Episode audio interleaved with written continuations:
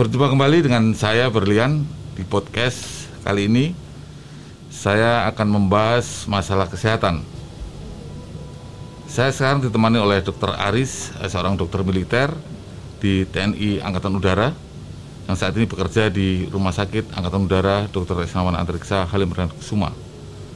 Uh, Dokter Aris, gimana? Sehat ya? Alhamdulillah, salam sehat dok. Salam sehat. Uh, kita berbincang santai saat ini dengan Dokter Aris, seorang dokter bedah urologi. Bedah urologi itu memang uh, cocok seperti Dokter Aris ini dengan berbagai macam pengalaman. Beliau sudah malang melintang berdinas sehingga cakap dalam dan profesional dalam uh, menangani pasien-pasien yang ada di rumah sakit. Uh, Dokter Aris, uh, saat ini di masa pandemi COVID ini saya merasakan uh, begitu berat uh, pekerjaan seorang tenaga kesehatan baik itu dokter, perawat, bidan, apa pun di uh, saat ini.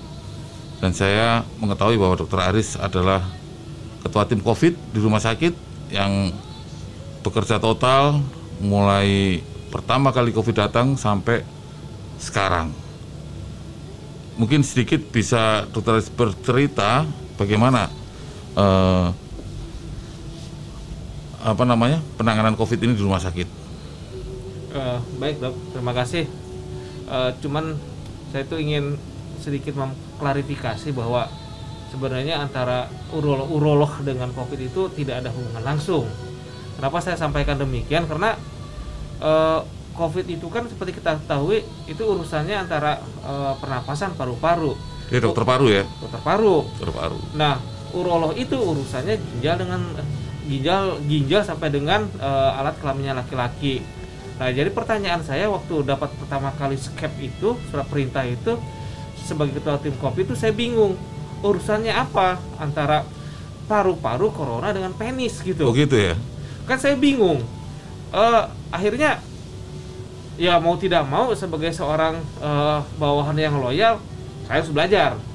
Harus belajar dan begitu saya lihat lagi anggota saya ternyata ini uh, anggota yang baru terus dokter dokter-dokter baru baru fresh from the open membantu uh, dokter Aris? Membantu saya yang yang sama-sama nol putung gitu. Akhirnya ya kami rapat kami buat uh, apa namanya itu kita belajar sama-sama dengan okay. cara mengumpulkan seluruh literatur baik dari luar negeri maupun dari Kementerian Kesehatan bagaimana caranya untuk menangani COVID ini. Ya, itulah jadi tentara. tapi tapi uh, dokter Aris masih tetap menangani pasien-pasien pada uru atau gimana? Atau uh, akhirnya konsentrasi ke COVID terus atau? Awalnya iya, awalnya saya konsentrasi ke COVID karena kan pas bulan Maret 22, Maret itu Maret 2020 April itu otomatis pasti juga kurang. Hmm. masyarakat takut ke rumah sakit. Oh ya, ya, ya waktu itu dengan uh, pandemik itu mereka pasien-pasien takut untuk datang ke rumah sakit? takut ke rumah sakit takut ke rumah sakit uh, akhirnya ada saya pikir ada, ada sisi positifnya pasiennya kurang saya konsentrasi di sana. Uh, mau tidak mau ya ada, apa yang mau dikerjakan uang pasiennya tidak ada, uang pasiennya kebanyakan uh, sakit paru-paru semua. Jadi karena nggak ada pasien uro, akhirnya ngomprengnya ke pasien COVID. Seperti itu loh kira-kira. daripada boleh, boleh, boleh, boleh, boleh. daripada ada kerjaan kan. Uh, dan itu berlangsung untuk uh, sekian lama. Saya pikir uh, itu itu memang sudah sudah ditakdirkan bahwa Begitu ya. bahwa kamu jangan jangan banyak kerjaan dulu di urologi. Kamu fokusnya di sini membantu orang. Ya pelangah pelongo juga sih awal awalnya pelangah tapi ya berkat berkat bantuan dari teman-teman berkat bantuan dari kepala rumah sakit yang yang mensupport kita ap, apa yang kita minta dipenuhi akhirnya hmm. akhirnya kan kita punya punya ruang isolasi tuh oh. ruang isolasi ya emang sebelumnya emang nggak ada ruang isolasi kita tidak punya ruang isolasi khusus covid yang bertekanan negatif hmm. kita tidak punya ya kita punya memang uh, ruang isolasi tapi khusus untuk pasien-pasien infeksi, pasien HIV, pasien TB yang itu hmm. itu itu itu berbeda tekanan ya tekanan okay. positif. Oh iya, iya iya. Dan uh, uh, atas igernya kepala rumah sakit yang saya itu kita harus punya uh, apa kita punya rumah sakit khusus uh, ruangan khusus isolasi khusus Covid ya akhirnya dibangun. Dan itu luar biasa karena uh, contohnya kan tidak ada Oh, iya, iya. Contohnya tidak ada. Jadi dengan belajar eh, teman saya dokter Surya itu memang luar biasa. Akhirnya bisa buang bawa, bawa rumah sakit eh, apa ruang isolasi. Ya memang saat itu eh, belum ada rumah sakit yang benar-benar untuk pasien COVID, ya kan? betul. Kan memang memang eh, yang saya tahu untuk pasien COVID itu ruangan khusus yang bertekanan negatif, yang pada saat itu orang nggak ngerti bagaimana tekanan negatif dan eh, apa namanya harus ada hepanya menyaring Betul. sehingga mereka membuang udara keluar dalam kondisi bersih. Nah itu yang susah ya. betul dan da- da- dan yang paling menantang lagi adalah it- ini ini penyakit baru dan kita tidak tahu apa-apa dan kita harus meyakinkan bahwa teman-teman dokter teman-teman perawat bahwa harus bekerja di sana itu itu itu tantangannya yang menurut saya eh, yang paling besar Gimana cara cara mereka menyadarkan kalau itu ini pasien nggak apa-apa, ini penyakit nggak apa-apa, tapi eh, semua beresiko. betul akhirnya eh ya berkat dari dari literatur literatur itulah sampai kita sampaikan Hmm. bahwa inilah bagaimana perilaku virus itu bagaimana cara penularannya bagaimana cara pencegahannya bagaimana cara kita menghindarinya ya kita sampaikan kita sampaikan eh, begitu mereka akan berdinas di di ruang isolasi kita sampaikan itu Mereka nggak nggak males-malesan, Putra Aris. Nggak, eh, maksudnya, waduh terpaksa harus ini gimana cara penanganannya, terus mereka nggak tahu harus pakai asmat, asmat itu kan APD itu kan nggak enak pakai APD itu. betul eh, Untuk me- membiasakan itu kan butuh waktu. betul eh, i- itu itu ta- tantangan yang lain lagi itu tantangan yang lain lagi Oh, gitu. Jadi eh, awal awalnya kita berikan kita berikan pengetahuan dari eh, da- kita kan berkolaborasi eh, da- dengan eh, dengan dengan bagian lain dan komite PPI dan Kesped dan lainnya. Jadi setiap setiap mereka masuk itu tim PP, eh, komite PPI itu datang oh, wajib hukumnya untuk mengajarkan mereka bagaimana ber, ber, ber- terus ber- drill terus, drill terus mereka. Terus bagaimana memasang, bagaimana melepas, bagaimana bekerja di dalam eh, ruang isolasi. Dan yang paling penting itu ya ya dari dari kepala rumah sakit, dari manajemen, dari kita juga mengingatkan bahwa itu penya- penyakit itu memang penyakit membahayakan, tetapi dengan dengan da- dengan penanganan yang baik, dengan kita mematuhi peraturan aturan-aturan dari PPI itu ya insya Allah aman semua. Dan itu eh, satu dok, sampai hari itu sampai hari ini kami mungkin bisa masih bisa berbangga hati bahwa eh, nakes kami itu tidak ada yang ter eh, terpapar dari Oh pasien. itu, kok bisa? Karena mereka itu Ada disiplin menjalankan prokes? SO, SOP selama menangani pasien itu di, di, di- ma- ma- mereka Tentu, pakai. tentunya juga didukung oleh ruangan yang yang apa ada uh, pertekanan negatif, Betul. eh, kemudian eh, ada hepanya. Ini itu itu prinsip itu ya. Betul. Dan itu juga membuat membuat mereka percaya diri untuk bekerja di dalam. oke. Dan yang paling penting mungkin setiap eh, kebutuhan untuk proteksi APD itu selalu tersedia.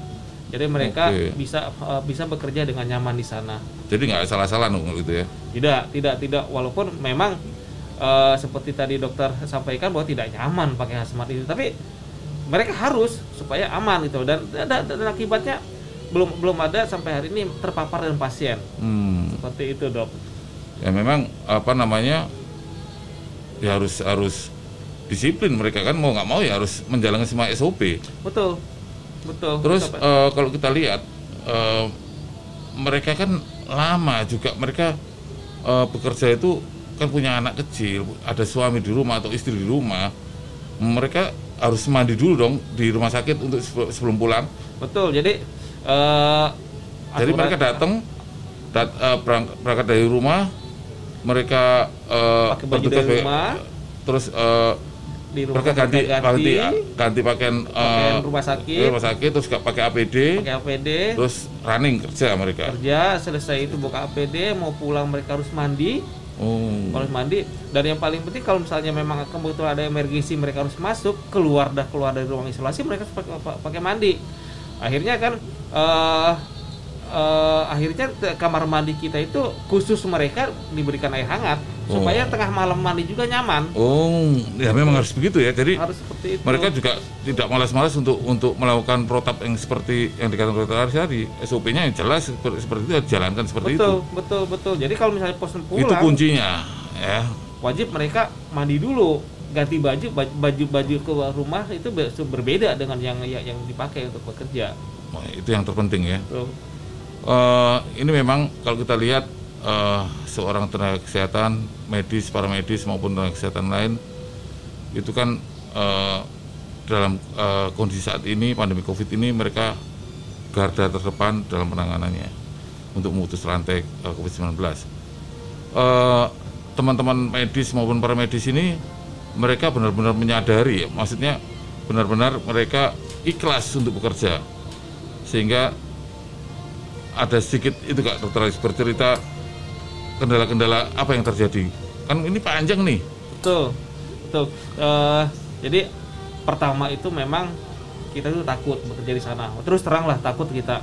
Kita tahu kita belum eh, kita melihat pengalaman di Wuhan. ya soalnya banyak banyak cerita juga ada seorang eh, tenaga kesehatan mereka mencari pekerjaan begitu mereka mau masuk wah nanti bekerja di di ruangan covid mereka nggak mau Ba- banyak, banyak yang Oh. tidak mau, banyak yang tidak mau Wah. seperti itu. Jadi begitu ketahui ya mundur. Eh, padahal banyak relawan-relawan juga yang datang kan banyak banyak banyak banyak mungkin ya itu uh, mungkin ada ketakutan itulah karena kita kan memang tidak belum tahu perilakunya Oh, iya, oke. jadi mereka kalau misalnya masuk isolasi kita kita kita sampaikan ini loh perilakunya seperti ini Uh, tidak kalau dengan uh, kalau dengan uh, mematuhi peraturan yang ada SOP yang ada itu aman lah aman lah uh, da- uh, dari dari paparan Tapi virus tersebut. eh, ini juga eh, dokter Aris, mereka kan juga butuh untuk menaikkan imun, mungkin ada vitamin. Mereka eh, untuk kebutuhan pribadi mereka, untuk meningkatkan imun, mereka kan juga stres juga segala macam capek karena mereka juga tidak boleh masuk di ruangan COVID itu berlama-lama karena memang aturannya demikian. Tuh.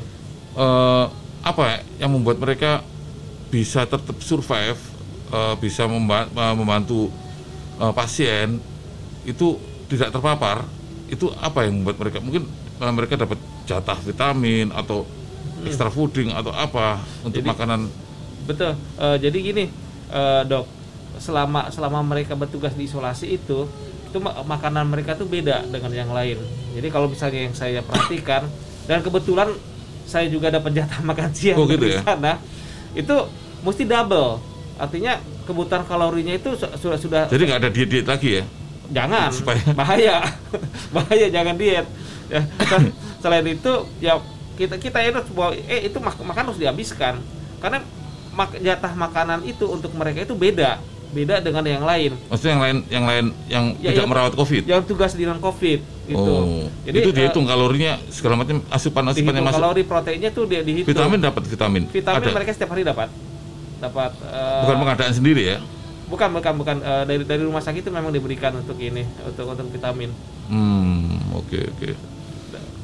Jadi dan, untuk vitamin dan da- eh, dan kadang da- dan, dan mungkin secara periodik itu kalau tidak salah itu pernah eh, kayak kita berikan juga eh, tiap hari itu susu. Jadi itu untuk meningkat, eh, meningkatkan eh, dari rumah sakit? Itu dari rumah sakit, Mm, Hmm. dari rumah sakit. Waduh. Ah, memang ini yang harus kita perhatikan bahwa eh, mereka juga butuh kalori butuh vitamin butuh segala macam sehingga eh, bisa eh, bekerja nantinya juga mereka fit dan fight betul. ya. Ya, jadi eh, kalau kalau saya itu eh, apa nama itu ke, ke mereka itu gini sebelum masuk isolasi tolong ditimbang. Kalau keluar berapa penambahannya biasanya nambah. Oh gitu? Biasanya nambah. Ka- karena ka- karena tadi makanannya itu lebih lebih banyak kalorinya. Tapi gimana caranya mereka itu kebutuhan eh, nutrisinya ter- terpenuhi? Jadi kebanyakan nambah. Wah, jadi pemirsa eh, tenaga kesehatan itu juga eh, mereka memperhatikan asupan atau kalori untuk tubuh mereka sehingga dalam penanganan pasien COVID mereka bisa fight Betul. prima. Betul. jadi itu itu intinya itu. Jadi memang harus makan makan makan Jangan- sehingga imun kita eh, cukup dan baik. dan jangan sampai kurang gizi Wah, apalagi kurang gizi ya, kalau bisa hancur nanti. Eh, ini yang yang mungkin harus kita perhatikan dan memang teman-teman eh, dokter, teman-teman perawat, bidan atau tenaga kesehatan yang lain itu bersatu untuk melawan atau memutus rantai COVID-19. Eh, mungkin Aris, kalau mereka seperti itu, ini kan kita nggak tahu sampai kapan nih. Hmm. Ya mereka tetap seperti itu ya. Ah, maksudnya ya tiap harinya bekerja di di lingkungan COVID. betul betul betul dan mereka ya ke Ada nggak yang mereka terus mengundurkan diri nggak mau, eh, udah dok saya nggak nggak udah saya cukup bekerja di itu di COVID ini saya minta di ruangan lain. eh, ada ada tapi kebanyakan minta nambah di isolasi Maksudnya? jadi mereka begitu kita kan per tiga bulan ganti per tiga Oh, gitu. bulan ganti jadi kita eh, biasanya eh, kami sampaikan ke Kawatum kalau tanya anak-anak mana yang mau ha- hampir hampir lebih dari 50% mau balik lagi di sana Oh. gizi terjamin Oh gitu. Tergantung. gizi mereka dari dalam diri mereka memang seorang seorang eh, tenaga kesehatan yang rela ikhlas untuk melayani sama. Ini satu. sepertinya muk- ya mungkin mungkin dari dari dari 100 tahun ya kesempatan sekarang inilah betul-betul kita sebagai dokter sebagai perawat yang ya, ya yang fight eh, ya- yang, yang bertempur dengan dengan Betul. pandemi yang pandemi Betul. Ini karena musuh kita tidak terlihat gitu kan. betul Jadi harus tetap hati-hati. Eh, mungkin itu dokter Aris ya eh, satu satu pengalaman yang langka dan pengalaman yang mungkin tidak semua orang bisa meskipun kita sebagai seorang tenaga kesehatan. betul apalagi dokter Aris yang seorang bedah urolog ditempatkan sebagai ketua tim COVID yang tidak ada hubungannya, tapi eh, semua karena tuntutan tugas, karena memang keikhlasan, karena memang suatu eh, keinginan untuk berbakti kepada sesama, kepada negara dan bangsa.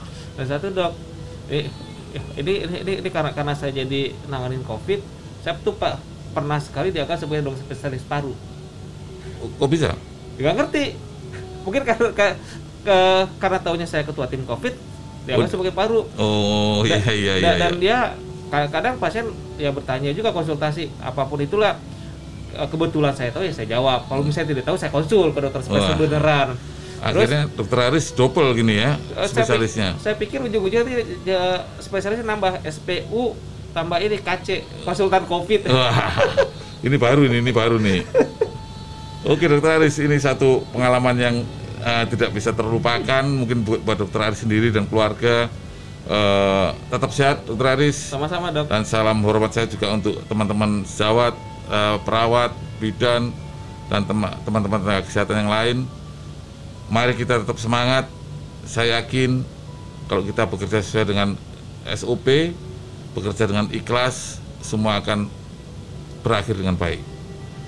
Eh, pemirsa, eh, kali ini kita sudah tahu bagaimana tenaga kesehatan eh, berjibaku em, melawan atau atau mengobati pasien-pasien COVID yang tidak mudah karena tiap hari dan COVID sendiri eh, tidak melihat kapan hari libur.